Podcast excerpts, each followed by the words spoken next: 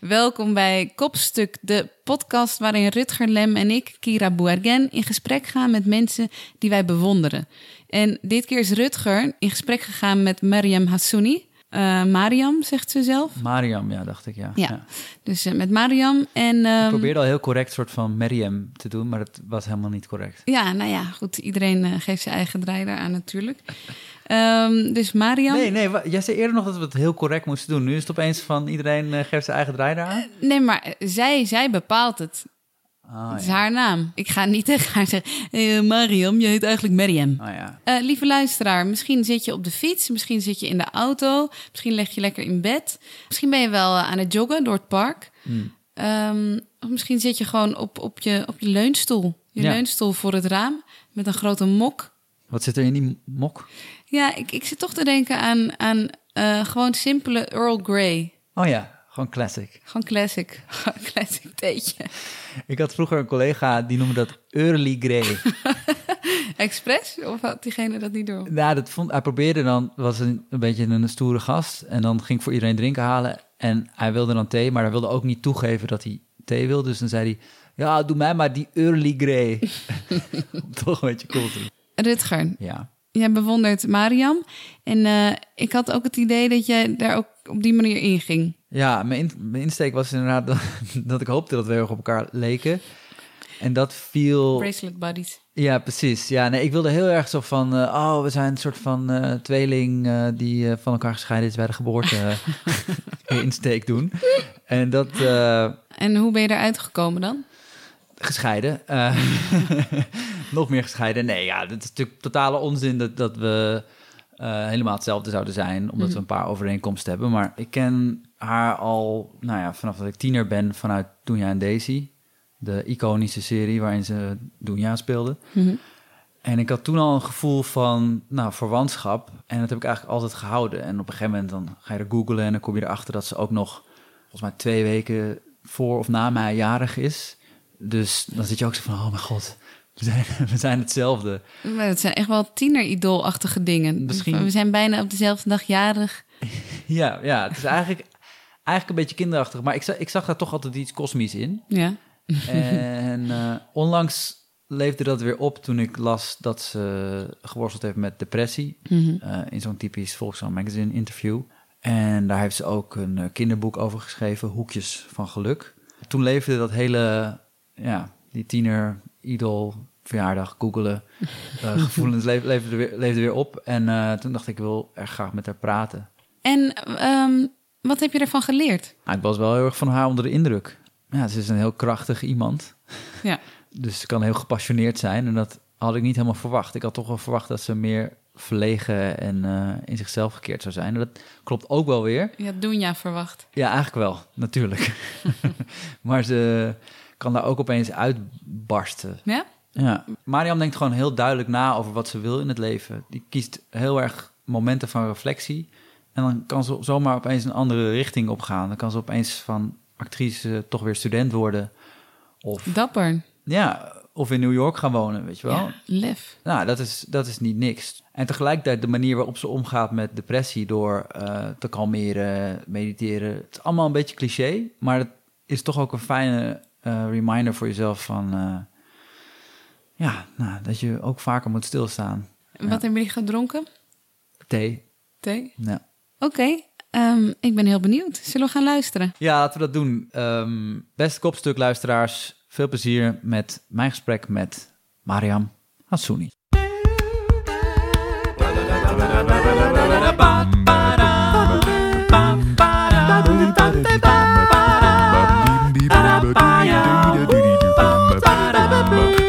Kopstuk, kopstuk, kopstuk. Nee, maar ik wil, want ik wil, wat ik eigenlijk wilde zeggen was dat uh, uh, ik uh, altijd het gevoel heb dat. Nou, laat ik zo dat ik heel veel van mezelf in jou herken. Okay. Ook al kennen wij elkaar niet. Nee. Je weet ook helemaal niet wie ik ben, of wel? Nee. Nee, nee, nee. Nee dat is, dat... Je zit nu wel bij mij in de huiskamer. ja, dat is eigenlijk, ja. eigenlijk heel raar. Ja. Nee, maar omdat uh, uh, toen je in Doe en Daisy speelde, toen, toen vond ik dat helemaal geweldig. En Oh, ja. ik herkende ook wel veel in dat personage, omdat ze in tegenstelling tot Daisy, zeg maar, iets soort van meer op de hoede is. Ja, En, verstandig. ja, maar ook wel een beetje melancholisch. Ja, En eh, ja, meer in zichzelf. ja, klopt. Ja.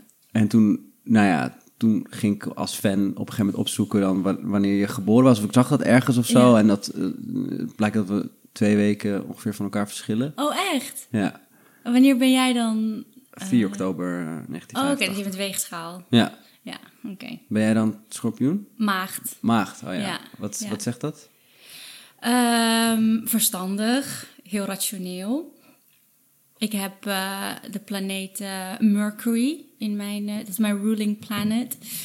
Ehm, dus wij zijn van de communicatie Oké, en ehm, eh, control freaks. oké. Ja, alles willen analyseren, Ah ja, klopt dat ook voor alles jou? dood analyseren. Ehm, ja, ik ben wel echt wel een, een maagd. Ja. Oh ja, maar je Ja. gelooft dus echt in astrologie. Nou, een beetje. Maar het klopt wel. ja, ja. Het ja, ik, ik weet niet, niet altijd, maar voor mij klopt het. Ik, ik, het, het is niet dat ik elke maand mijn horoscoop check of ehm, dat doe ik dan één keer in de twee maanden. Oké. Nee, ook niet. maar ik, ik vind het soms wel grappig dat het, dat het soms wel klopt. Ja. ja. En je hebt toch iets van houvast nodig. Dat is toch gewoon, ja. Ja. Ja, control freak. Ik moet wel weten waar ik aan toe ben. ja, ja, ja. Control freak over astrologie wordt. Ja, ja. Maar en, en eh, eigenlijk viel het me pas weer op toen ik dat eh Volkswagen Magazine eh, interview las. Oh ja. Want ik heb ook last gehad van depressies. Ehm, maar vooral dat je ook nog zei dat je ook nog het had gehad... eh, dat dieptepunt plaatsvond toen je een knieoperatie had gehad. En dat je toen een soort van niet meer ervoor kon wegrennen. Ja. Dat had ik gewoon precies hetzelfde gehad. Dus toen, Oh, ik- toen dacht ik van, oké, ik moet met je praten. Ja. ja, Wat grappig. Nou, grappig. Wat, ik denk dat heel veel mensen last hebben van depressie. Maar omdat we zo druk zijn, dat we het niet doorhebben. Dus we hebben het zelf niet in de gaten hoe we ons eigenlijk eh, voelen. Ja. En ehm, op het moment dat je inderdaad een knieoperatie hebt gehad en je letterlijk niet meer kan opstaan, ja, dan kan je niet meer voor jezelf wegrennen. Ja, dan, dan, dan, dan moet je ermee dealen. Ja. Je moet ermee dealen. En ik merk wel dat hoe ouder ik word, ik ben nu 33. En, ehm, en ik merk wel dat ehm, ik het beter kan handelen. En het wordt ook steeds minder. Maar dat komt ook omdat ik accepteer het. Dus op het moment dat ik me niet goed voel, dan... eh, ik, ik, ik ben niet meer bang om naar binnen te gaan. Of dus naar binnen te kijken. En ik ben ook niet meer bang voor emoties. Dus het is oké als ik me verdrietig voel of als ik pijn voel, want het is iets tijdelijks. En dat vergeet je. Als je in een depressie zit, dan denk je vaak van dit is voor altijd. Maar ik merk nu wel dat ik, eh, als ik erin zit, dat ik op dat, op dat moment zelf, dat, dat ik dan ook weet van oké, ik accepteer het nu. En, ehm, en ik weet ook dat het, dat het weer voorbij gaat. Ja. Dat, het weer, dat het weer weggaat. En dat is ook zo. En ik had dat dan ook met, als ik me dan heel goed voel of heel blij ben, dat ik dan bang werd. eh, omdat, eh, omdat ik me dan in ene heel gelukkig voel. Dus dan word je ook bang voor je eigen geluk. En dan zeg ik ook, ja, maar dit is ook tijdelijk. dus dit gaat ook over. Dit heeft ook een piek. En dit gaat ook weer voorbij. Dus je leeft op een golf. Ik, weet, ik heb ook wel boeken gelezen destijds, van die zelfhelpboeken, weet je wel, Mhm. over ehm, de strijd in je hoofd en dat soort dingen, weet je, Ja. dat soort vreselijke titels. Ja. Maar, dat, maar dat stond dan ook in van, Denk je sterk? Dat boek. wauw, kijk, dat is, ja, Heel nou ja. herkenbaar. Ja. Ja, ja. Nou ja, maar dit is misschien wel denk je, eh ontdenk je sterk, zeg maar. Want het is, werd dan beschreven van stel dat je eh, bij een slagveld staat en je ziet dat er allemaal heftige oorlogsdingen gebeuren. Maar weet je, je kan ook gewoon eruit stappen en naar huis gaan, zeg maar. Ja. En dat, dat vond ik wel, hoe een soort van zweverig ook, vond ik dat toch ook wel troostend of zo. Ja. Bijvoorbeeld mensen zeggen, ja, je moet loslaten. Je bent zo'n control freak. Weet je, laat los. En dan Zo zeg ik, ja. ja. maar dan zeg ik, ja, maar hoe dan? Ik wil nu loslaten, maar hoe laat ik het los? Hoe doe je dat? Ja. Als ik ergens, weet je wel, een workshop kan volgen, loslaten, laat het me zien. Doe het voor. Ja. Weet je wel, zo. Ja, ja, ja. En Heel herkenbaar. ja, en ik heb, ik heb, ik denk dat het voor, voor iedereen weer anders is. Maar voor mij is loslaten eh, leren uit mijn hoofd te stappen. En hoe stap ik uit mijn hoofd? Door middel van meditatie. Ja? Doe je Ja. dat echt elke dag? Of? Ja. Oh, ja, ik doe Vedic meditation. Wat is dat? En dat is eh, met een mantra. Toen ik in eh, New York woonde, heb ik ehm, daar een workshop gevolgd bij Tom Knowles. En hij benadert meditatie op een ja, wetenschappelijke manier en down to earth. En, en daar, daar hou ik wel van. Ik, ik ben spiritueel, maar wel met mijn beide benen op de grond. Dus ik, ik, ik, ik ben niet aan het zweven. Ja, je bent rationeel. Ja, inderdaad, rationeel. maar ik... ik d- Nu, dus, nu gaat je dus- sterrenbeeld de hele tijd terugkomen in het gesprek. en wat, eh, wat doe je dan precies? Wat is de, Oh ja, dat is met een mantra. Dus dan uh, hij... hij het eh, mantra in je hoofd. eh, Ja, ja. dus hij, je krijgt van hem een mantra. En dat mag je... Is het in een doosje of is het... Nee, nee, nee. Nee, je krijgt gewoon... ehm, je- we waren met een groepje van twintig man. En dan op een gegeven moment ga je op de gang staan. En dan word je één voor één naar binnen eh, geroepen. Dat was, ik, vond, ik vond het echt super spannend. Ja. Ehm, en dan eh, krijg je je eigen mantra. Dus hij zegt, ja, hij, hij zegt het voor. En dan zeg je het één keer of twee keer zeg je het na. Om te checken of je je mantra goed hebt eh, eh, uitgesproken. En, en daarna mag je je mantra nooit meer hardop zeggen. Dus het is echt iets wat je alleen maar in je hoofd eh, doet. ja. Maar het helpt me wel heel erg. Ja. Fijn. Nee, maar het is wel, wat ik interessant vind, en nu ga ik misschien veel te, veel te diep, maar ik geloof dat je niet heel erg van small talk houdt. Dus dat is oké. maar, maar, maar ik ben ook een boek aan het schrijven hierover. En Oké. Ik was benieuwd waarom eigenlijk mensen met depressie vaak ook geheugenproblemen hebben. Waarom je Ja, eh, van je depressieve periodes dat dan alles door elkaar loopt of zo. ja, En toen stond er dat, dus, dat er iets misgaat in het deel van de hersenen wat patronen moet onderscheiden. En wat eigenlijk dus ervoor zorgt dat we kunnen zien van, oh ja, dat, die twee dingen lijken best wel op elkaar, maar het zijn toch twee verschillende gebeurtenissen in mijn leven. Of, Ja. of het zijn twee verschillende mensen. Of, en eigenlijk voor depressieve mensen is er dus geen, niet zoveel onderscheid. Alles is evenveel waard en alles is een beetje hetzelfde. ja. En daardoor onthoud je dingen dus ook niet, want eh, voor herinneringen heb je een bijzonder moment nodig of een verhaaltje. Of, Ja, eh, ja, dus ik, ik snap ook wel, ik, ik ken dat ook met bijvoorbeeld ehm, met tekst leren. Op het moment dat ik, dat ik niet lekker in mijn vel zit, dat het gewoon echt moeilijk is om een tekst te leren. En als ik me goed voel, dan ja, hoef ik het maar twee keer te lezen en het zit in mijn hoofd. Ehm, dan heb ik gewoon veel meer ruimte in mijn hoofd. Nou, misschien is het dan dat, dat, dat als je zeg maar, zeg maar zo'n depressieve dieptepunt bereikt, dan is het soort van gedwongen dat je opeens dat de woorden weg zijn en dat, je, dat er stilte is. En terwijl mediteren is een soort van vrijwillig daar eventjes soort van eh, voor kiezen vanuit kracht misschien wel, Ja. in plaats van vanuit verzwakking en dat het te laat is. Maar ja, ik weet, voor mij is depressiviteit gewoon gevangen zitten in mijn hoofd. Ja, En eh, mijn hoofd zit vol met shit. dus mijn hoofd zit vol. Ehm, met verhalen, met, eh, met ehm, eh, ideeën, met opvattingen, met van alles. Het is een kooi. En mediteren is eigenlijk de sleutel tot het hart of, ja, dat klinkt ook weer super ehm, happiness-achtig, maar eh, iets anders wat niet het hoofd is. ja, ja, Dus ik, ik associeer depressie niet met stilte. nee. Ik, eh, voor mij is depressie chaos. Chaos. En het is dan zo chaos in mijn hoofd, dan moet ik me terugtrekken en dan wil ik niemand zien en dan wil ik, kan ik ook geen eh, licht aan, ik kan geen televisie kijken, ik kan niet eens een boek lezen, want het is zo druk in mijn hoofd. Ja, Eh, het slokt me op. En meditatie is juist ehm, de weg naar, eh, naar stilte.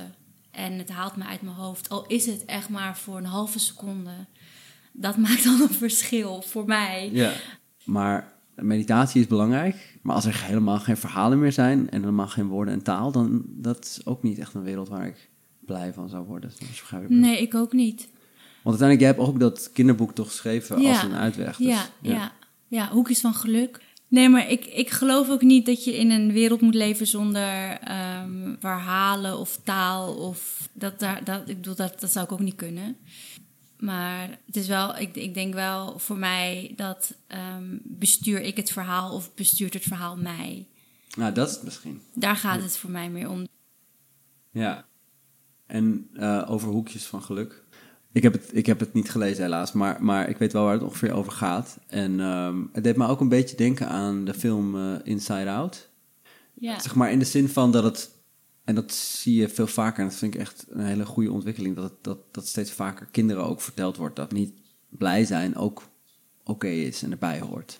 Ik bedoel, mijn zoon is anderhalf, ik lees hem best wel vaak de verhalen van Toon Tellegen voor over depressieve wombatten en zo. En dat is toch wel gewoon een hele fijne manier om aan hem duidelijk te maken van... hé, hey, weet je, soms is een aardvarken ook verdrietig omdat hij geen vriendjes heeft, weet je wel? ja. En dat het oké is, dat je niet bang hoeft te zijn voor uh, verdriet. En waarom ben je dan vanuit een kind gaan schrijven, denk je? Nou ja, ik had uh, dus na mijn knieoperatie... Uh, Wat voor knieoperatie was Ja, het was echt heel gek. Um, ik heb hele goede knieën. Maar echt. Maar ik, hoezo, had, hoezo ik, had, je dat? ik had hele goede knieën. Ik had nooit last van mijn knieën. Ik kon rennen, ik kon springen. Mensen hadden last van hun knieën. Ik wist niet waar ze het over hadden. Ik dacht, oké, okay, whatever. Ja. Ik had echt topknieën. Mm -hmm. Ik was heel sportief. Maar op een gegeven moment uh, kreeg ik dus last van mijn rechterknie. En, uh, en mijn knie werd dik en ik kon, niet meer, ik kon mijn knie niet meer buigen. En uiteindelijk uh, scheen dus dat ik een... Ik had een vergroeiing van een bot. Dus ik had gewoon een stuk bot op mijn knie. Dat is door blijven groeien. En uh, ja, oh, ja, wow. ja, shit happens. Maar dat ja, na je groeispurt of zo? Of wat? ik, heb ik weet niet eens of ik mijn groeispurt heb gehad. Daar zit ik nog op te wachten. Oh, oké, okay, ja, ja. nee, maar ik, ik weet het niet. Ik, uh, ik, misschien zat het er altijd. En, maar ik kreeg er heel erg veel last van. En ik kon niet meer, weet je wel, gewoon de gewone dingen doen. Dus traplopen, fietsen, lopen überhaupt. En, um, en toen zei hij, nou dan moeten we het uh, weghalen. Ja. maar ja, ik, uh, ik heb geen onderzoek gedaan naar um, wat er daarna gebeurt. En daarna ben je gewoon drie, vier maanden aan het revalideren. Mm -hmm. Je kan je been niet bewegen, je moet opnieuw leren lopen. Maar goed, ik, ik, ik zat niet lekker in mijn vel. Ik was zwaar depressief en ik ben het gewoon van me af gaan schrijven. Of van me af gaan schrijven. Ik ben voor mezelf gaan schrijven wat het, wat het is. Maar dit was dus letterlijk terwijl je op de bank met die knie zat? Of? Ja, in mijn bed. Ja. Oh, ja. ja. de bank was too much. Nee, echt in mijn bed. Ja. Ja, ja. ja. en dan ging ik alleen maar naar, naar buiten voor fysio. En dan ja. ging ik weer naar huis. Ja. ja. Ik, ik vond het ook zo, opeens zo raar om te merken hoe traag je dan bent. En, dat, en dan kwam ik ergens en dan zag ik de stoep en dan was ik zo van... Ja, ja ik, kan ja, gewoon, ik ga nu- het gewoon niet, het gaat me gewoon niet lukken. Nee. nee. Dus dan, ja, Wat heb jij met je knie gehad? Ja, voorste kruisband met voetbal. Maar ik vond dus ook wel dat dat proces van herstellen, dat dat ook wel heel leerzaam was voor hoe ik moest herstellen van mijn depressie en misschien überhaupt in het leven. Omdat, uh, omdat je dan zo erg gedwongen wordt om heel erg uh, in compartimenten te denken. Dus Ja. zo van dat, dat is die fase, dat is die fase, dat is die fase. Je wordt heel erg gedwongen om geduldig te zijn. Dus je maakt kleine stapjes. Je hebt even weer een terugval en dan zegt je fysio, ja, het hoort erbij, die heeft iedereen, weet je wel. Ja. En dan... En dan, uh, en dan een paar maanden later kan je opeens naar buiten. Dat is dan echt zo'n overwinning. Echt een overwinning, ja. En, uh, Ja. terwijl je dan, ook, en dan kan je ook letterlijk uit je huis uit. Dus dat is, ja, ik vond het wel... Ja, voor mij zaten daar heel veel lessen in. Ja, En ook, inderdaad, als het gaat over niet in je hoofd zitten. Dat is Ja. zo fysiek. Op een gegeven moment gewoon doen. Gewoon blurpies en uh, suicides. en dan ga je gewoon kapot. ja. ja, oh echt, ja. Ja, maar goed. Maar waarom denk je nou dat het zo'n kinderlijke toon... Uh, dat weet ik niet. Ik, ik weet het niet. Het kan zo zijn dat het dat mijn dat, dat, dat, dat, dat het een bijna een, een stem was van mijn innerlijke kind of zo, weet je wel? Dat op, op die manier. Maar het kan ook zo zijn dat ehm, als je iets wil uitleggen aan een kind, dan moet je dat op een hele andere manier doen. Dus dan eh, gebruik je andere woorden. eh, kortere zinnen. Ehm, dus daar kan het ook wel mee te maken hebben. Dat ik zo. Het was voor mij zo'n chaos. En ik, ik leefde in zulke lange zinnen met komma, komma, komma, komma, komma, waar geen einde aan komt. Dat ik behoefte had aan eh, korte zinnen. ehm, Simpele vragen. Simpele vragen. Maar dat is moeilijk. Ja, ja dat is nog... heel moeilijk. Ja, dat Maar ik, ik merkte wel dat het. Dat, ik werd daar wel heel blij van. Ja, maar goed. er zijn nog meer dingen in je leven. Eh, want, eh, nee, maar ja, en, en over je kindertijd gesproken, wanneer eh, ontdekte je dat je kon acteren? Ik acteerde altijd al. Het begon met, ja, met mijn ouders, die waren mijn, mijn publiek. Eh, op school, de kinderen. Ja. Wat voor dingen deed je dan? Gewoon gekke dingen. Ik wilde altijd mensen aan het lachen krijgen. Oh, ja. Dus het begon met eh, gekke bekken trekken en eh, gekke stemmetjes doen. En... Dus ik was altijd al aan het spelen. Altijd al aan het acteren. Weet je nog een moment dat je doorkreeg van, ah, ik kan dit gewoon. Nee, het, voor mij was het gewoon net als eten, drinken, slapen, ademhalen. Ik deed, ik deed dat altijd. Maar ik was wel heel verlegen. Hoe was je Dan verlegen? Ja, ik was, ik was echt fucking verlegen, vriend. ik, was, ik was echt heel verlegen. Maar als we dan bijvoorbeeld op school eh, een toneelstuk gingen doen... of, eh, Ja, ja, of gingen zingen, of, eh, dan deed ik gewoon... Ik deed altijd mee. Je pakte je momentjes gewoon. Ja. Ja, Maar ik had nooit gedacht dat, het, dat ik ook actrice zou worden. Voor mij was dat hetzelfde als prinsesje worden, weet je wel. Dat is iets wat je... dat, dat, dat bestaat niet. Nee. Dat, dat, dat, dat kan niet. Heel ver weg. Heel ver weg. Ja, totdat ik het dus wel geworden ben. Ja, ja. Op mijn vijftiende. Ja, Ja. met Doenja en Daisy. Maar goed, ja. Maar en zit het in je familie? Eh, nee, maar de, de familie van mijn moeder, die zijn wel heel erg... Dat zijn wel kunstenaars. Dus, eh, en mijn moeder, als zij de kans had gehad, dan was ze sowieso actrice geworden. Of stand-up comedian. Die is zo grappig. Ja. Mijn moeder is echt hilarisch. Ja, die is echt heel grappig. Dus ik denk ook wel dat ik het een beetje van mijn moeder heb. En je vader? Eh, de familie van mijn vader, die, die zijn heel anders. Eh, dat zijn de denkers en de, de juristen. De, De maagden. Ja, ja, ja. Echt. eh, die zitten vooral in hun hoofd. Ja. Dus ik heb een beetje van allebei. Ja. Want je bent opgegroeid in Oud-Zuid, toch? Ja, in Oud-Zuid. ja. Sociale huurwoning. Mhm. En je vader was conciërge. Ja. Maar wat deed je moeder eigenlijk? Eh, huisvrouw. Oh ja. Ja. ja. Ja. Een hilarische huisvrouw. Ja. ja, hilarisch. Ja. En waar denk, je dat dan, waar denk je dat die behoefte aan optreden vandaan komt bij jou? Er is niet een behoefte aan optreden. Het is gewoon, eh, dat is mijn manier van connecten met mensen. Ja. dat is, dat is, dat, dat, dat is mijn manier van. eh, dat vind ik makkelijker om te, om, om te, te communiceren door gewoon niet mezelf te zijn. Ja. ja. ja. Ja. Nee, maar het- ik, ik weet het niet. Ja, nee, maar dat, dat, dat snap ik helemaal. Ja, want iedereen is eigenlijk, iedereen is acteur Ja. of actrice. Iedereen speelt. Maar praat ik nu dan echt met jou of, of met een, met een Is er iemand thuis? Ja. Nee, je praat wel echt met mij. Ja, oké. Ja, ja, Ja. ja, ja. Nou, maar dat is iets moeilijks. Ik bedoel, ja, ook een interview is een soort spelletje. Ik bedoel, ja. Ja. ja. Maar ik denk ook niet dat het mogelijk is om te zijn zonder een, een masker. Dat, ik weet niet hoe dat eruit, hoe dat eruit ziet. Nee, nee. Moet ik je- workshop volgen? Show me! Laat me zien hoe dat, hoe dat dan moet. Nee. Volgens mij kan dat helemaal niet. Nee, nee, dan moet je echt mediterend tegenover elkaar zitten en dan... Ja, dat weet, en ik weet ook niet of dat leuk is.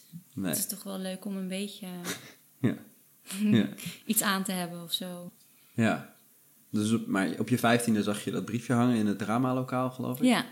En toen ben je naar de auditie gegaan. Hoe, Ja. hoe ging dat? Ja, mijn dramadocent, zei tegen mij, bel ze, weet je wel, probeer het gewoon. En toen ben ik met mijn vader ben ik naar die auditie gegaan. Ja, daarna heel lang niks gehoord. We zijn op vakantie gegaan.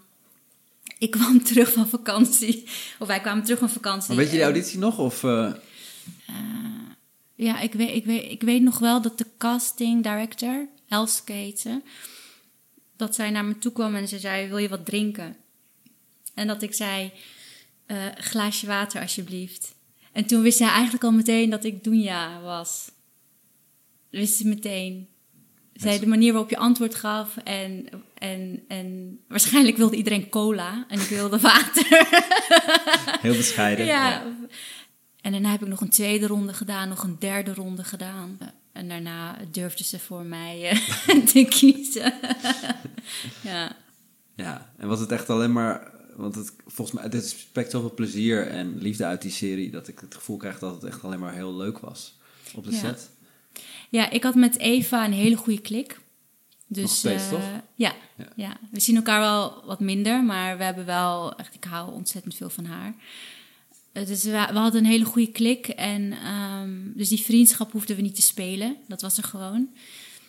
Maar het was ook heel goed geschreven door ehm, Robert Tijm. En heel goed geregisseerd door Dana Negostan. En het zat gewoon... En in die tijd was er nog genoeg geld en tijd om mooie dingen te maken. Als ik nu vergelijk wat we nu op een dag moeten draaien... als je dat vergelijkt met toen... Ja, dat, kan bijna niet meer. Het kan echt niet meer. Dus ehm, ja, het was bijna luxe hoe we de serie gemaakt hebben. Ja, je had er altijd zin om naartoe te gaan. Nou, het was soms ook wel pittig natuurlijk, want ja, je, je, het, het is ook wel hard werken en daarnaast heb je ook nog je school. Ja. Dus ik zat ook op een gegeven moment in mijn examenjaar, dus dat was, eh, was wel bikkelen. Maar het voelde wel effortless, dus het, het, het, het paste perfect. Maar en de andere vraag is misschien of je wist wat je deed. Want je zegt inderdaad van ja, we waren vriendinnen, dus dat hoefden we niet te spelen. Nou, dat is wel. Kijk, ik zat er toen heel onbevangen in. Dus ik, ik speelde letterlijk gewoon vanuit mijn intuïtie en mijn hart. Ik speelde het gewoon. Maar die onbevangenheid, en daar, daar zit ik eigenlijk nu, daar zit ik nu in. Die onbevangenheid ben ik kwijtgeraakt. Door dingen die er zijn gebeurd op, op andere sets. En, ehm, en niet alles wordt met liefde gemaakt. Doe je en deze is echt met liefde gemaakt. Eh, ik heb ook heel veel andere projecten daarna gedaan die niet uit liefde zijn gemaakt. Maar eh, ik weet niet waar die vandaan komen. De hel. Maar, maar ehm, dus die onbevangenheid ben ik, eh, ben ik verloren. Ja, En ik heb daar heel veel verdriet eh, van gehad. En daarom werk ik nu ook veel minder. Omdat daar, daar zit ik nu in van hoe, wa- wat, hoe sta ik nu tegenover dat hele acteren? Wil ik het nog wel? Ehm, En what went wrong? Want iets wat zo, zo effortless ehm, gebeurde en met zoveel liefde werd in ene een, een last. weet je nog wanneer dat gebeurde? Of sluip Een paar jaar geleden gebeurde dat. En, ehm, maar goed, ik heb daar gesprekken over gehad. Ik heb met mijn therapeut heb ik daar heel lang over gehad. Omdat acteren is iets wat ik al sinds... Ja, mijn, mijn eerste herinnering is spelen. Ehm, en om de- zoiets wat voor mij zo belangrijk is om dat kwijt te raken, de passie, is best wel is hetzelfde als, nou ja, ik weet niet of hetzelfde, maar het voelt alsof je ehm, ja, een arm verliest. En mijn therapeute die zei, nou ja, die onbevangenheid, die ben je kwijt, maar die zal je nooit meer terugkrijgen. Dat is gewoon zo. En toen moest ik even slikken, van oh, oké, dat is best wel heftig. Maar nu ga je eigenlijk groeien naar bewust onbevangen. En dat vind ik heel moeilijk, om dat stukje aan te gaan. Wat, wat, welk, wat moet je aangaan? Als baby, dan loop je, je leert op een gegeven moment, je gaat kruipen, je gaat lopen, je denkt er niet bij na. Dat is gewoon iets wat je doet. En dat was een beetje met mij met spelen, dat is gewoon iets wat ik deed. Als je je been breekt, dan moet je opnieuw leren lopen. Weet je, bewust ga je, oké, nu zet ik een stap, auw, oké, weet je, nog een keer. En dat is eigenlijk wat, wat nu met mij en acteren aan de hand is. Dat ik dat opnieuw, ik moet weer opnieuw leren lopen. Ja. Dus, eh, dus het, het, het is ehm, tussen mijn acteren is het eh a little break-up. Maar eh, we gaan het weer aan. Maar wel, ja, wel interessant. Want, eh, want toen je Offers maakte, ik heb hem gisteravond gekeken, ik Ja. vond het echt een geweldige film. Ja, hij heeft echt heel erg goed de tand destijds doorstaan. En inderdaad ook wat je zegt, destijds was er ook gewoon blijkbaar meer geld om toch Ja. echt wel vette dingen te maken. Hoor. Ja. Jezus. Maar dan ben je dus 19 of 20 of zo? Ik was een 18. Oh ja, ja, precies. Maar dat was opeens weer wat serieuzer. En dat is ook geen meisjesvriendschappenfilm. Dat is, Nee, nee dat, is, eh, dat was heel heftig. Ja. ja. Maar ook weer, ik speelde zo vanuit mijn. ehm, ik, ik dacht er niet bij na. Ik, het stroomde door me heen. En dan ga je naar huis en dan de volgende dag weer. En zo'n dag was wel zwa een zware film. Maar ja, zo'n dag voelde voor mij als een uurtje. Zelfs met zo'n film bleef het intuïtief en ja, gewoon... ja, maar ik zat in een flow en, eh, en ik wilde eigenlijk ook niet naar huis. Ik wilde gewoon door blijven gaan. maar omdat je, ja, omdat je gewoon echt iets doet wat je wil doen. ja. En je bent nog niet beschadigd in je, in je, in je craft. Ja, het was met dezelfde regisseuse als... ja, eh, Dana, ja. ja. Ja, ja. en, en, Dat was weer veilig. Ja, ja. heel veilig. Wat maakt haar zo fijn om mee te werken? Dana weet heel goed wat ze wil, maar wat zij, zij laat je ook vrij. Dus dat werkt voor mij heel erg goed. Dus zij, zij laat het je gewoon doen. En dan zonder al te veel woorden te gebruiken, regisseert ze me. Dus dan zegt ze bijvoorbeeld even, weet je wel, even met haar, met haar duim omhoog of doet ze even, weet je, zo'n gebaar van eh, iets minder. We begrijpen elkaar zonder te praten, met elkaar te praten of eh, eeuwig te discussiëren over scènes en dingen. Ja, Dus ook heel intuïtief. En ze geeft me de vrijheid en dus een stukje vertrouwen, ja, waardoor ik haar alles wil geven omdat zij mij dat stukje vertrouwen geeft. En ik heb daarna met regisseurs gewerkt die ook heel goed weten wat ze willen, maar niet dat stukje vertrouwen hebben. Dus die jou helemaal vast gaan regisseren. Dus letterlijk, dan zeggen ze: je loopt drie stappen naar voren, je kijkt eerst naar rechts, dan kijk je naar links. En dan kijk je naar Huppel de Pup met een blik van, nou dat weet ik niet. En dan draai je om en dan een klein blikje terug, tel tot drie en dan doorlopen. Ja, ja dan moet je bij mij, dan, dan, dan, ja, dan, dan, ben, dan ben ik gewoon weg. word je verpop. Ja. Ja, maar dat kan ik ook niet. Nee, dat nee. kan ik ook niet meer spelen. Dan is het echt en take 5. Nou ja, die zijn waarschijnlijk ook eh, control freaks. dat, zijn, dat zijn control freaks die niet lo- los durven te laten. En dus ook niet ehm, zien wat ze, wat ze van de acteur krijgen. Maar Ja. dan krijg je ook geen cadeautjes. Maar je werd wel beter, toch? Ik bedoel, het bleef intuïtief, maar je leerde, neem ik aan, ook dingen. Ja, maar ik weet niet of ik beter werd. Nee? Nee. Ouder werd je alleen niet. maar. Ouder. Ouder wel. Ehm, Maar heb je, en ze hebben dus ook niet een soort leraar dan? Dat je, Dana. Ja. Jawel, zeker. Dat Zij wel. heeft mij heel veel geleerd. wat heb je van haar geleerd? Pff, ja, klein spelen.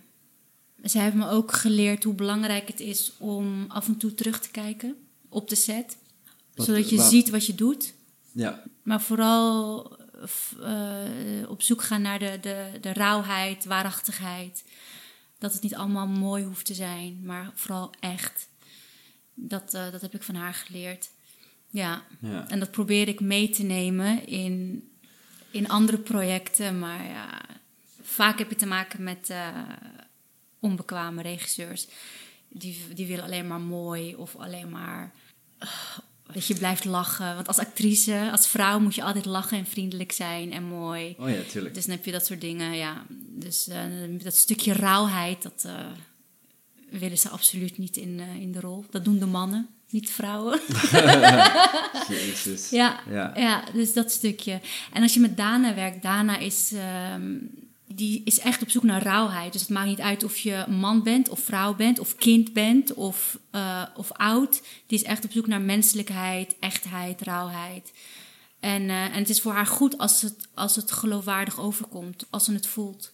Op het moment dat het, het kan alles wel perfect zijn, maar als ze, als ze het gevoel heeft dat het, het, gespeeld is of nep, ja, Maar en je hebt een Emmy gewonnen voor, voor Offers daarna. En ik las dus inderdaad dat je daar achteraf gezien niet zo blij bent. Of Tenminste, je, je, hebt niet zo'n Nee. leuke associatie met dat, met dat beeldje. Ja, dat is ook een beetje uit, eh, uit context getrokken.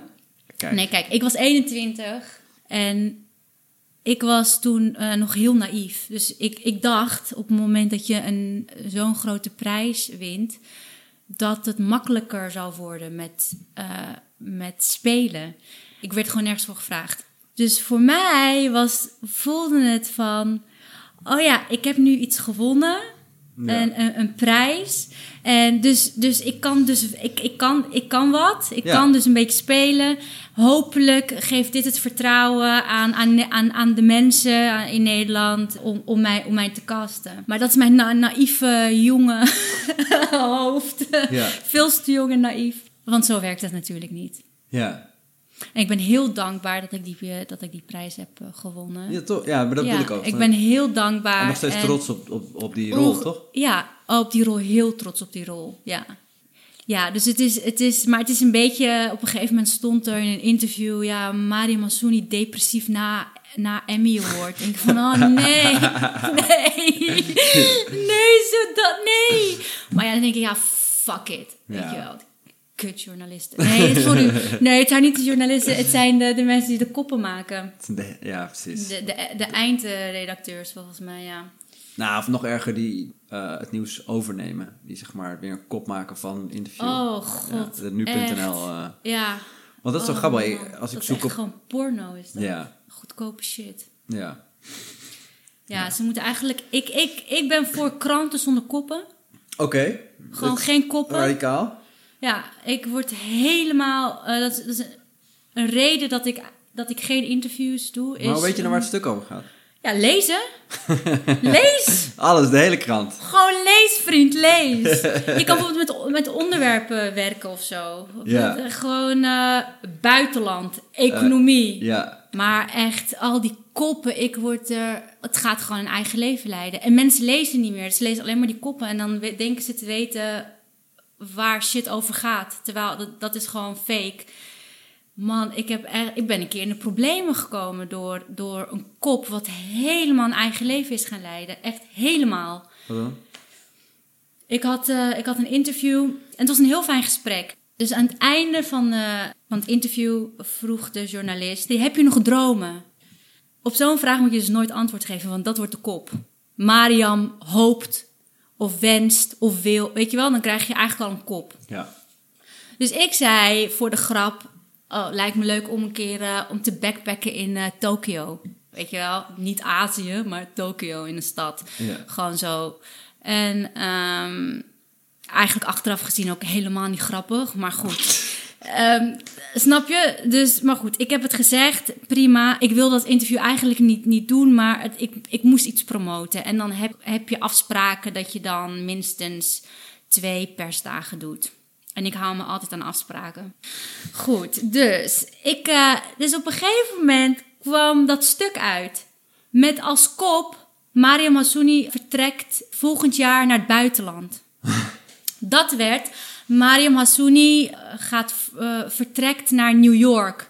Mariam Hassouni gaat eh, voorgoed in, voor altijd in, in, in New York wonen. Ik- het werd gewoon een, een, een ding. Maar ik had gewoon nog projecten lopen dat jaar. Ja. Dus mijn agent werd gebeld. Van, gaat Mariam dan nog wel meedoen? Want wij lezen dat zij dus weggaat. Zij gaat naar het buitenland. Ja. Terwijl, vriend, ik kom net terug uit New York. Ik heb daar drie jaar gewoond. I'm back. Eh, Weet je wel, dus ik ga, ik ga, ik ga nergens heen. Ja, ja nou, dan hebben we het weer over, over woorden en hoe schadelijk ze ook kunnen zijn. Zo. Ja, ja. klootzakken. ja, echt. Eh ja, het fijn aan een podcast dat ik niet veel eh, rare dingen mee kan doen, dus maak je geen zorgen. Maar dat je een biet eronder. ja, dat kan nog wel. Ik kan heel veel dingen samplen en Ja, een soort ja, ja. meme van maken. Dat kan wel. Maar je deed dus alles intuïtief. Je bent toen naar New York gegaan omdat je toch wel echt eh, onderwijs wilde in je craft. Ja. Ja. Want hoe, hoe, hoe kwam die beslissing dan tot stand? Ik studeerde toen rechten aan de VU. Maar wat ik zei, ik, ik, was, ik was heel naïef. En ik had behoefte aan, aan eh, ja, bijna een, een coach. Iemand die mij, die mij helpt met, eh, met keuzes maken. wat moet ik doen? En heel veel mensen zeiden tegen mij... Je bent en actrice en rechtenstudent. Nou, dat is heel verwarrend voor mensen. Dus je moet echt een keuze maken. Of je wordt jurist of actrice? Maak een keuze. Nou ja, goed, dus ja, weet je, dus ik denk, oh ja, natuurlijk hebben ze gelijk. Ik moet, ik moet kiezen, ik moet kiezen, ik moet kiezen. Heb ik besloten om te stoppen met, met rechten en ben ik naar de toneelschool gegaan in New York. En daar heb ik drie jaar gezeten. Ja. Ja, dus ik heb twee jaar eh, de studie gedaan en dat was, dat was, dat was, eh, nou, ik leefde in, ik leefde op school. Dat, dat is zes, zeven dagen in de week. Hele lange dagen. Want je, je krijgt acteren, maar je krijgt ook script analysis, eh, movement, eh, mask, eh, van alles en nog wat. Voice and speech. Dus ik, ik krijg heel veel. Moest je, moest je ook auditie doen ervoor? Of? Ehm, sommige mensen moeten, moeten auditie doen. Maar ja, zij, zij zagen mijn cv en ik kon gewoon... Ja, oh ja. ik kon gewoon... De Emmy hielp toen wel misschien. ja, Ja. ja, dus dat... dus ik... Ja, ik, ik werd gewoon aangenomen. Maar ik vond het heel leuk. Ik vond het echt heel leuk. Maar uiteindelijk wat je leert is dat je terug moet gaan naar intuïtie. Basically, ja.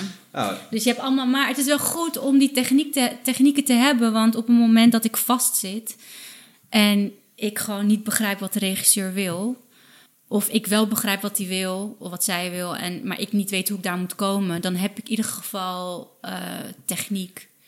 Ja. Dan is het niet vanuit het hart of intuïtief, maar dan kan ik wel doen wat, wat, eh, wat er van mij gevraagd wordt. En- En voorheen kon dat niet, want ik kon alleen maar doen wat ik kon doen. Ja, dus, ja. dus wat, dus wat, wat ik meer, ken. ja, Ja, dus wat ik ken. Dat is het enige. En, en dat was... Mijn hart ging open en ik deed mijn ding. ja. Maar als ik het niet snapte, of als mijn hart het niet snapte of iets, dan, dan kon ik het niet spelen. Ja. En heb je daar die coach gevonden? Of Nee, nee uiteindelijk. behalve de, de meditatie? eh? Ja, ja, de, die, heeft mij, ja, die heeft me leren mediteren. Maar ik, heb, ik was zo jong en dan zit je al in een, in, in de grote mensenwereld. Iedereen wil ook een stukje van je, omdat ineens ben je heel succesvol. En ik, ik wist gewoon niet, dus ik had echt behoefte aan, aan iemand die mij kon helpen of zo. Om daar doorheen eh, te manoeuvreren, want ik wist gewoon niet wat ik moest doen. Dus elk stukje advies van iemand van buitenaf nam ik aan als waarheid. Van, oh ja, thanks, ja, dat is het. Eh, en en nu, nu, nu doe ik dat niet meer. Ik dat is, eh, dat, dat, ik heb ook wel geleerd dat ehm, adviezen krijgen van mensen is... ehm, daar kan je naar luisteren, maar uiteindelijk is het aan jou of je er iets mee doet of niet. En heb je, maar was er niet een leraar die er uitsprong aan die toneelschool in New York? Eh, Terry Knickerbocker. Goeie Ja, naam. Terry Knickerbocker. New Yorkse naam. Ja, ja. Ja, ja hij was echt, eh, pff, ja, ook heel eerlijk. En eh, die is niet bang voor feedback geven.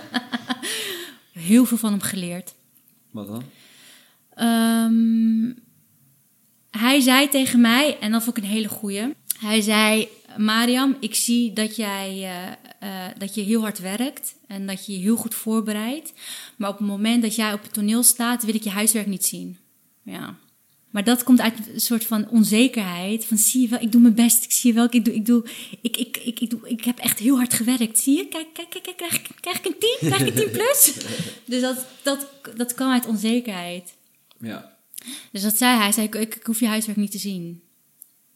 En wat hij eigenlijk wat, wat, wat hij zegt is: laat los, vertrouw op jezelf. En dat was een hele belangrijke les voor mij. Zal ik dit interviewblaadje eigenlijk niet, niet goed inkijken het hebt opgeschreven? Nee, maar dat is toch wel hetzelfde, ja. ja, en dan in het moment en wat er dan ontstaat, ontstaat er. En vertrouw, vertrouw erop dat, dat je een vangnet hebt. Dus op het moment dat het dan even niet lekker gaat, dan je, je hebt een vangnet. Ja, wat was het voor sfeer? Was het onderling ook leuk? Of? Ja, we hadden een vaste groep, een, vaste klas, twee jaar lang.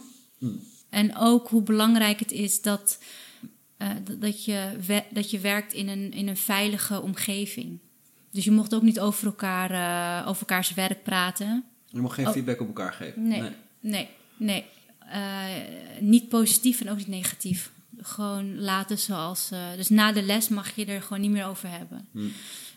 En, en dat, dat stukje veiligheid om te kunnen groeien. En dat heb je ook wel nodig. Want ja, je, ja, je staat gewoon in je naki. Niet, niet letterlijk, maar emotioneel wel.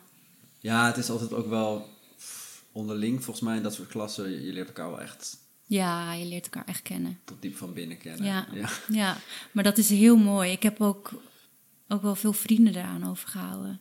Ik ben ook wel een aantal keer in mijn leven in New York geweest. Leuk. Ja. Het klinkt, eh, dat klinkt heel stom, maar die op te connecten. Ik ben ook wel eens... Ik heb wel eens een film gezien die zich afspeelt In New York. in New York. Nee, maar ehm, wat ik er wel lastig aan vond... want de tweede keer dat ik er was, toen was ik zeg maar eh, nou, 24 of zo. Ja. En toen ging ik er ook echt heen met het idee van... oké, dit is de stad waar alles is wat ik vet vind. Met het idee van, oké, ik ga daar antwoorden vinden op mijn eh, eh, levensvragen en twijfels over wat ik moet gaan doen. Ja, ja, ja. Maar dat was echt een totale misvatting. Want als je daar dan komt, eh, terwijl je aan het twijfelen bent, dat is, dat, daar is daar helemaal geen plek voor. Omdat, nee. omdat het zo duur is en zo snel gaat, dat je wel heel zeker moet weten wat je wil als je daar wil overleven. Ja. Hoe was dat voor jou? Zeker toen je, want je bent het jaar daarna ben je dan dus off-Broadway gaan spelen, echt, toch? Ja, ben ik off-Broadway, ja. Ben ik gaan spelen. Nee, eh, voor mij... Ik had maar één doel. En dat, dat was eh, de beste actrice worden die ik kan worden. Dat was mijn doel. Dus ik ging daar ook heen met al- alleen dat. Ja, dat is heel duidelijk. ja, dat is heel duidelijk. En Engels leren. Mijn Engels was heel slecht. Maar, dus eh, dus dat, was, dat was mijn doel. En eh, dan, dan vangt de stad je op. Als jij daar een beetje onzeker heen gaat, of, of onzeker, in ieder geval niet echt weet wat je wil en eh, ik zie het wel, ja, dan kan zo'n stadje ook gewoon eh, opslokken. Ja, en toen je daar dan ging spelen nadat je klaar was met die opleiding, was dat dan ook met het doel van misschien blijf ik hier wel, misschien word ik gewoon wel actrice in New York? Ja, ik was wel van plan om daar te blijven, omdat New York is voor mij, dat is voor mij een plek waar ik, eh, waar ik me thuis voel.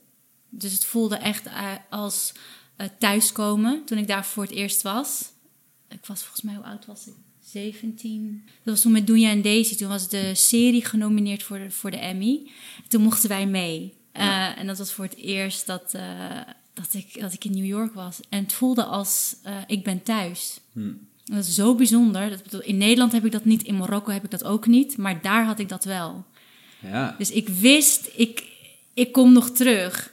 Nou, ben ik de tweede keer op mijn 21ste ook weer voor de, voor de Emmy. toen won je hem ook nog? Ja, toen vond ik hem. En daarna wist ik zeker, oké, ik, ik, ik moet hier echt gewoon gaan wonen of eh, voor een langere periode zijn. Ja. Ehm, maar bijvoorbeeld mijn zusje, die, eh, die kwam me opzoeken en die vond het, oh, die vond het verschrikkelijk. die vindt de grote stad, vindt zij verschrikkelijk. ja. Die werd helemaal eh, zenuwachtig en die werd helemaal. eh, die, die voelde zich heel klein in New York. En ik voel me heel groot. Ik, voel me, ik ben heel klein, ik ben 1,60, maar in New York voel ik me gewoon 2 meter. Ja. Ik voel me heel groot. En, Die energie en die chaos, dat gedij je Ja. binnen. Ja. Maar dus je wilde er blijven? Wilde- Ja, ik wilde daar blijven. Uiteindelijk ben ik eh, teruggekomen naar Nederland eh, voor SOF. Ik had gewoon geld nodig. Dus ik wilde even terug naar Nederland, weer wat geld verdienen en dan weer terug naar, eh, naar New York. En ik ben gebleven. Ja. Ik heb er geen spijt van. Ik ben alleen nooit meer teruggegaan naar New York. Omdat ik het nu al erg vind om terug te komen. Dus, ik, dus ik heb maar besloten om, het, eh, om New York te laten voor, eh, voor wat het is. Dus toen, maar, maar je bent daarheen gegaan om de actrice, de beste actrice te worden die je kon worden. Ja. Is dat dan, als je dat gevoel na die twee jaar, dat dat gelukt was? Wel dat, dat, dat er meer, meer kleur. Ik, ik realiseerde me dat ik ook dingen kon doen die ik normaal vanuit intuïtie niet zou doen. Zoals wat dan? Ehm, in mijn dagelijks leven vinden mensen mij grappig, zeg maar mijn vrienden. Ja, ja. Ik vind je ook best wel grappig. mijn vrienden vinden me, vinden me grappig, maar Ja. in, in de, de projecten die ik doe zijn toch wel veel meer drama. Ja, Uh, dus ik heb nooit echt uh, daarin kunnen ontwikkelen. Nou ja, weet je, in, in een comedy of zo. Op dat, stuk, op dat stukje, ja, om, om dat te durven. Want ik was altijd bang eh, om in de lach te schieten zelf. Om iets wat ik dan grappig vind om zelf te doen. En dat ik dan om mijn eigen ding moet lachen. Maar mijn docent zei van met comedy eh, is het juist goed als je zelf eh, bijna in de lach schiet. Want dat houdt je scherp. Dus dat is juist heel goed als je dat punt bereikt van... oké, ik kan elk moment in de lach schieten. Eh, dat is juist heel goed. Dus koester dat, omarm dat. Oh, wat goed. Ja, Ja. dus daar ben ik heel anders naar gaan kijken. Dus het werd niet meer een, een, een angst, maar meer dat je het opzoekt. Ja, Dat je voor jezelf opzoekt het punt van... oké, ik, ik, ik, moet, ik, ik, kan, ik kan niet meer. Nog even en ik breek, ik breek. ja, ja. Eh, en, en dat is... Ja, joh, dan is het gewoon een speeltuin. ja, ja, ja, ja, ja. Ja. Dus toen kwam je terug en toen ben je hier gebleven. Ben ik hier gebleven. En ben ik gaan studeren. Dus, Ja, oh eh, ja, want je, ja. toen was, vond je Engels zo leuk toen je het eenmaal een beetje kon. Dat je, Ja. meteen, eh, dat ik het durfde te studeren. ja, Ja, ging je er maar vol voor. Ja, toen ging ik Engelse taal en cultuur studeren aan de UvA. Alleen ik heb zo'n trauma overgehouden aan mijn scriptie dat ik, eh, dat, dat ik eh, geen master heb gedaan. Ja, Gewoon zitten en schrijven. Dat je gewoon tien uur lang, acht uur, de hele dag zit, schrijft en eh, naar een scherm eh, zit te staren. Ik, eh, ik, mijn lichaam is daar niet voor, voor gemaakt. Echt Nee. niet voor gemaakt. Nee. Ik moest gewoon huilen van... ik leefde echt op Advil. ja? ja, koppijn. Oh ja. Ik weet echt niet hoe mensen dat doen. Oké, dus je zou nooit een boek schrijven. Jawel, ik ben nu een boek aan het schrijven. Ja, precies. Met acteren heb je nu een beetje haat-liefde verhouding. Ja, dus met acteren is het nu allemaal gevoelig. Dus we zijn, in, we zijn in therapie. Ah, oké, oké. Relatietherapie. Eh, ja, relatietherapie. Eh, maar ik doe het nog steeds. Ik ga in september weer oogappels doen, het tweede seizoen. Oh ja, leuk. Eh, dat is een, een veilige omgeving. En met Wil Koopman, zij werkt al jaren met hetzelfde team. Eh, en dat zijn zulke leuke, lieve mensen. En eh, verder zeg ik, nou ja, bijna alles af. En In dus- principe is En, en alles om af. te kunnen schrijven. Om te kunnen schrijven. En wat ja. is het dan? Wat is het? Ja, wat Vriend, wat ben je aan het schrijven dan? Wat is dat? Wat deel, is dat deel, deel. Ja, ja. Nee, ik, eh, ik ben een coming of age aan het schrijven. Een roman. Ja. Oh, dus je ging van, gaat van kind naar iets, iets Nou, ouder. ja, ouder. Ja. En eh ehm, dus een coming of age, ja. En over identiteit. En...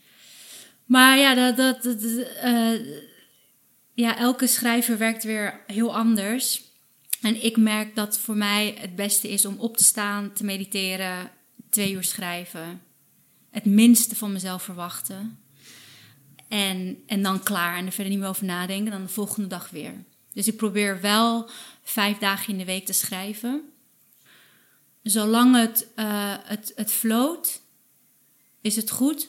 Zodra mijn hoofd begint eh, te bemoeien met de... Ja, ik weet niet hoor wat je daar hebt geschreven, maar eh, volgens mij is dat niet goed. Eh, Serieus, schrijf je dat echt op?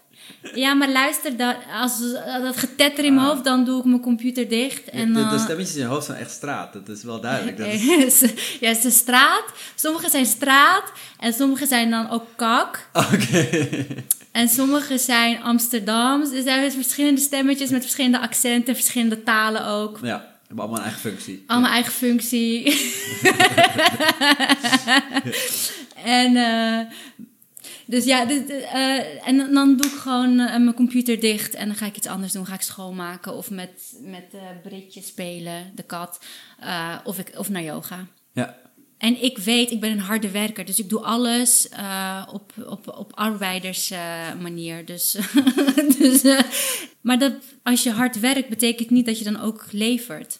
Dus het is niet zo, ik werk hard, dus dan is de kwaliteit eh, hoog. Of Nee, dan, zoals met het huiswerkding, toch? ja, inderdaad, ja. ja. En, eh, ehm, dus, dus ik, en, en, en ik merk zelf dat als ik maar twee uur schrijf en misschien 400 woorden, 400 woorden, twee uur, dat dat beter is dan dat ik vier, vijf uur lang ga schrijven en hele ingewikkelde zinnen ga bedenken. En misschien op dat moment denk van, bijna half klaar komt. Oh my god, deze zin is zo grandioos. Oh my god, kijk misschien. En dan lees je de volgende dag terug.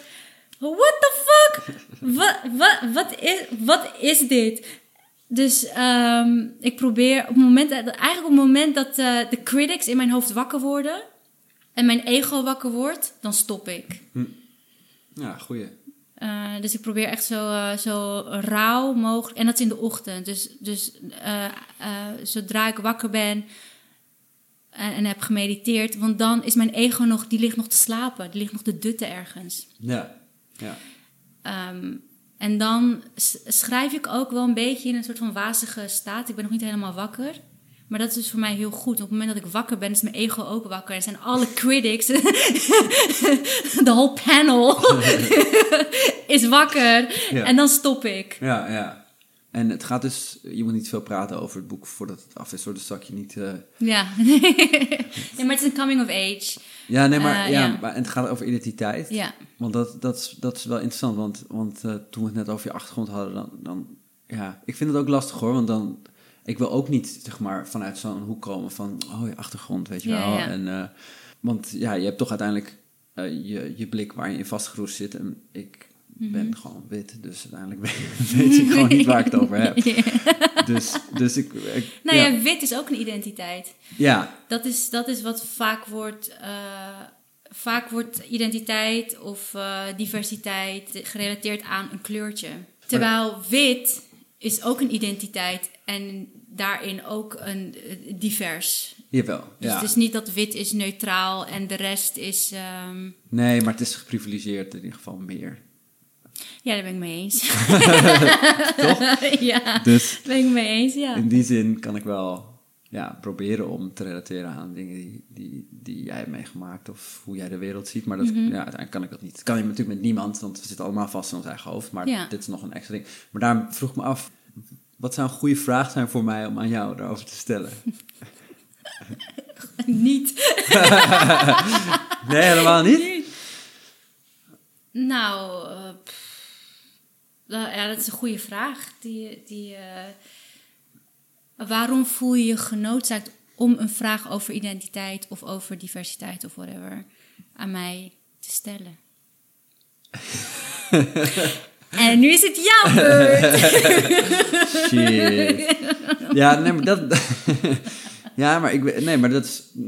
Nou ja, gewoon ten eerste omdat als we het hebben over wie jij bent... dan is het ook weer een onderdeel daarvan. Dat is natuurlijk het lastige, want ik begrijp heel goed dat jij... op een gegeven moment irritant vond dat je in Marokkaanse rollen tijd gecast werd. Nee, maar dat is ook weer verkeerd. Dat is ook weer verkeerd opgeschreven. Want ik vind het niet erg om Marokkaanse rollen te spelen. Nee. Helemaal niet. Maar ik vind het erg dat de Marokkaanse rollen die bedacht worden, dat dat gewoon hele oppervlakkige rollen zijn. Ja. Ja. En die dienen de, de personages om haar heen. En dat zijn witte mannen of witte vrouwen. Ja, waardoor de karikatuur blijft bestaan. En... Ja, of geen cliché, maar ook geen inhoud. Wat ik altijd al zeg is, weet je, eh, diversiteit in film en in literatuur ook. It ain't rocket science. Ja, maar we weten niet waar we moeten beginnen. En ja, het is zo ingewikkeld allemaal, want iedereen heeft weer een eigen mening. En ja, weet je wat het is? Ja, er loopt gewoon niet zo heel veel eh, ja, gekleurd talent rond. En dan proberen we toch te zoeken en te zoeken en te zoeken. Maar ja, ja, ja dan hebben we ook weer te maken met eh, taalbarrière. En dan krijg je die shit. Ja. Terwijl, weet je, het, het is, het, het ain't rocket science. Echt serieus. Ja. Ik denk gewoon dat mensen het moeilijk maken omdat ze het nog niet willen. Ik wil dat ik gecast word omdat je me wil casten. Omdat je mij in jouw project wil hebben. En niet omdat je een Marokkaan nodig hebt. Dan liever niet, echt alsjeblieft. Dan ga ik liever gewoon naar yoga. ja, echt. ja. Maar waarom ik je daarover zou moeten vragen is, kijk, ik weet, heb je die voorstelling Melk en Dadels gezien? Ja, ja. Ja, nou, een vriendin van mij speelt daarin, Kira. En eh, Oh ja, ja. ja, die, die, die zag ik altijd, dacht ik ook altijd bij van, ja, ik denk helemaal niet over jouw eh Marokkaansheid Ja. na, want je bent gewoon een van mijn beste vriendinnen en dat is Ja. gewoon wat het is. Alleen, zij kwam er gewoon ook voor zichzelf achter dat ze dus, eh, naarmate ze meer over zichzelf eh, te weten kwam en, en zichzelf ontwikkelde, Ja. dat dat eigenlijk ook wel voor haar iets is wat er ook bestaat en wat ook belangrijk is. En op een bepaalde manier was ik bijna racistisch door te doen alsof het er niet was. Snap je wat ik bedoel? Uh, en zij heeft ook die mooie monoloog in die voorstelling waarin ze zegt van ja, witte Nederlanders die zeggen van oh, maar jij bent toch geen Marokkaan, want jij bent heel ja. Eh, beschaafd en normaal. En, uh, ja, maar en, daar zit echt, dat is zo... En, en Marokkaanse Nederlanders zeggen dan van jij bent geen Marokkaan, want je, je, bent te wit. Ja. Maar je bent geen Marokkaan, want je bent heel beschaafd. Dat is zo denigrerend. Dat is vreselijk, ja, tuurlijk. Dat is daarin, maar ze bedoelen het als een compliment. Niet ze, maar degene die dat zegt. Uh, dat, is dan, dat wordt dan gezien als een, een compliment, maar dat is eigenlijk zo denigrerend. Ja. Van hè, maar jij bent echt, een jij bent echt anders. Je hebt een Marokkaan, maar je bent echt anders. Maar dat is eigenlijk heel denigrerend als je dat zo zegt. Want um, wat, wat, wat, bedoel je eigenlijk als je dat... Wat bedoel je als je dat zegt? Ja. Maar snap je ook wat voor mij de spagaat is als ik jou, met jou praat over wie jij bent? Ja. Moet ik het dan benoemen? Of moet ik er dan met je, moet ik er dan naar vragen? Of moet ik eigenlijk zeggen, we hebben het daar niet over? Want ik vond ook het lastig als ik vroeger keek naar die discussie in Amerika. Dan dacht ik altijd, jezus, ze hebben het over blacks en whites en Hispanics. Als je het zo gaat benoemen, dan wordt het Ja. eigenlijk alleen maar meer weer. Ja. En ik zat nog een beetje in dat oude soort van jaren negentig multiculturalisme van, Ja, ja. van we doen gewoon alsof het niet bestaat. Ja, ja, En dan zit er natuurlijk, dan ontstaat er allemaal sluimerend racisme. ja. eh, Wat nu naar boven... waar je blind voor wordt, zoals bijvoorbeeld Zwarte Piet en dat soort dingen, waar Ja. je gewoon, Ja. je gewoon niet meer ziet, zeg maar. Nou ja. Ik vind wel dat je het moet blijven benoemen, maar ook eh, heb het er niet alleen maar met, met eh, de, de ethnic over, maar ook met, met zeg maar de, de Hollander. Ja, Niet alleen maar met de ethnic, want het is. We moeten het met elkaar doen. Dus ik kan het er heel veel over hebben. Maar als hier dan een een of ander, weet je, blond meisje, blauwe ogen uit Volendam. Met haar zou je het ook over moeten kunnen hebben. Want we leven in hetzelfde land.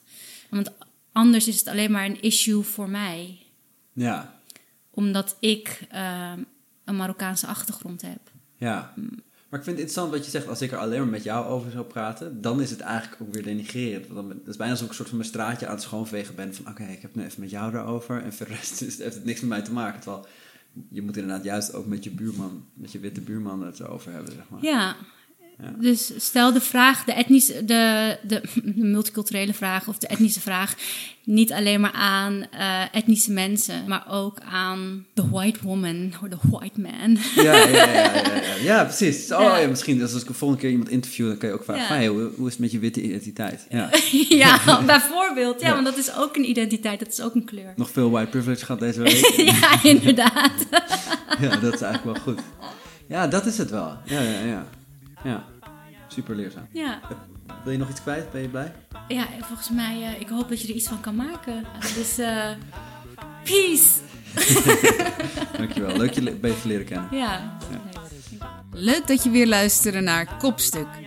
We zijn benieuwd naar je mening over de podcast of de verhalen die het bij jou oproept. Stuur ons een mailtje naar kopstukpodcast.gmail.com of laat een review achter in iTunes.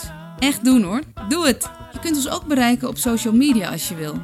Altijd het Kopstuk Podcast. Rutger kun je vinden op het Rutgerlem en mij op het Kira Bouergen. Schrijf je in voor Rutgers nieuwsbrief op rutgerlem.com slash nieuwsbrief om op de hoogte te blijven van Kopstuk en zijn andere werk. Deze aflevering van Kopstuk werd opgenomen, gemonteerd en gemixt door Rutger met hulp van Maartje Smits en mijzelf. Herman in een bakje geitenkwark maakte onze super dikke openingstune. Zie geitenkwark.nl. Ons extreem vette logo is ontworpen door Esther Walter. Check haar site estherwalter.nl. De volgende kopstuk komt er snel aan. Tot dan jongens. Tot dan. Kopstuk, kopstuk, kopstuk. En accepteer die eh, golfbewegingen. Ja, juist. Surf. Surf. Surf op je golven, vriend. Ja. Ja. Ja, kun je surfen? Of... Huh? Heb je al eens gesurfd? Nee. Nee, nee. Ik ook niet. Nee. Oké, Ik ben nou. bang voor haaien.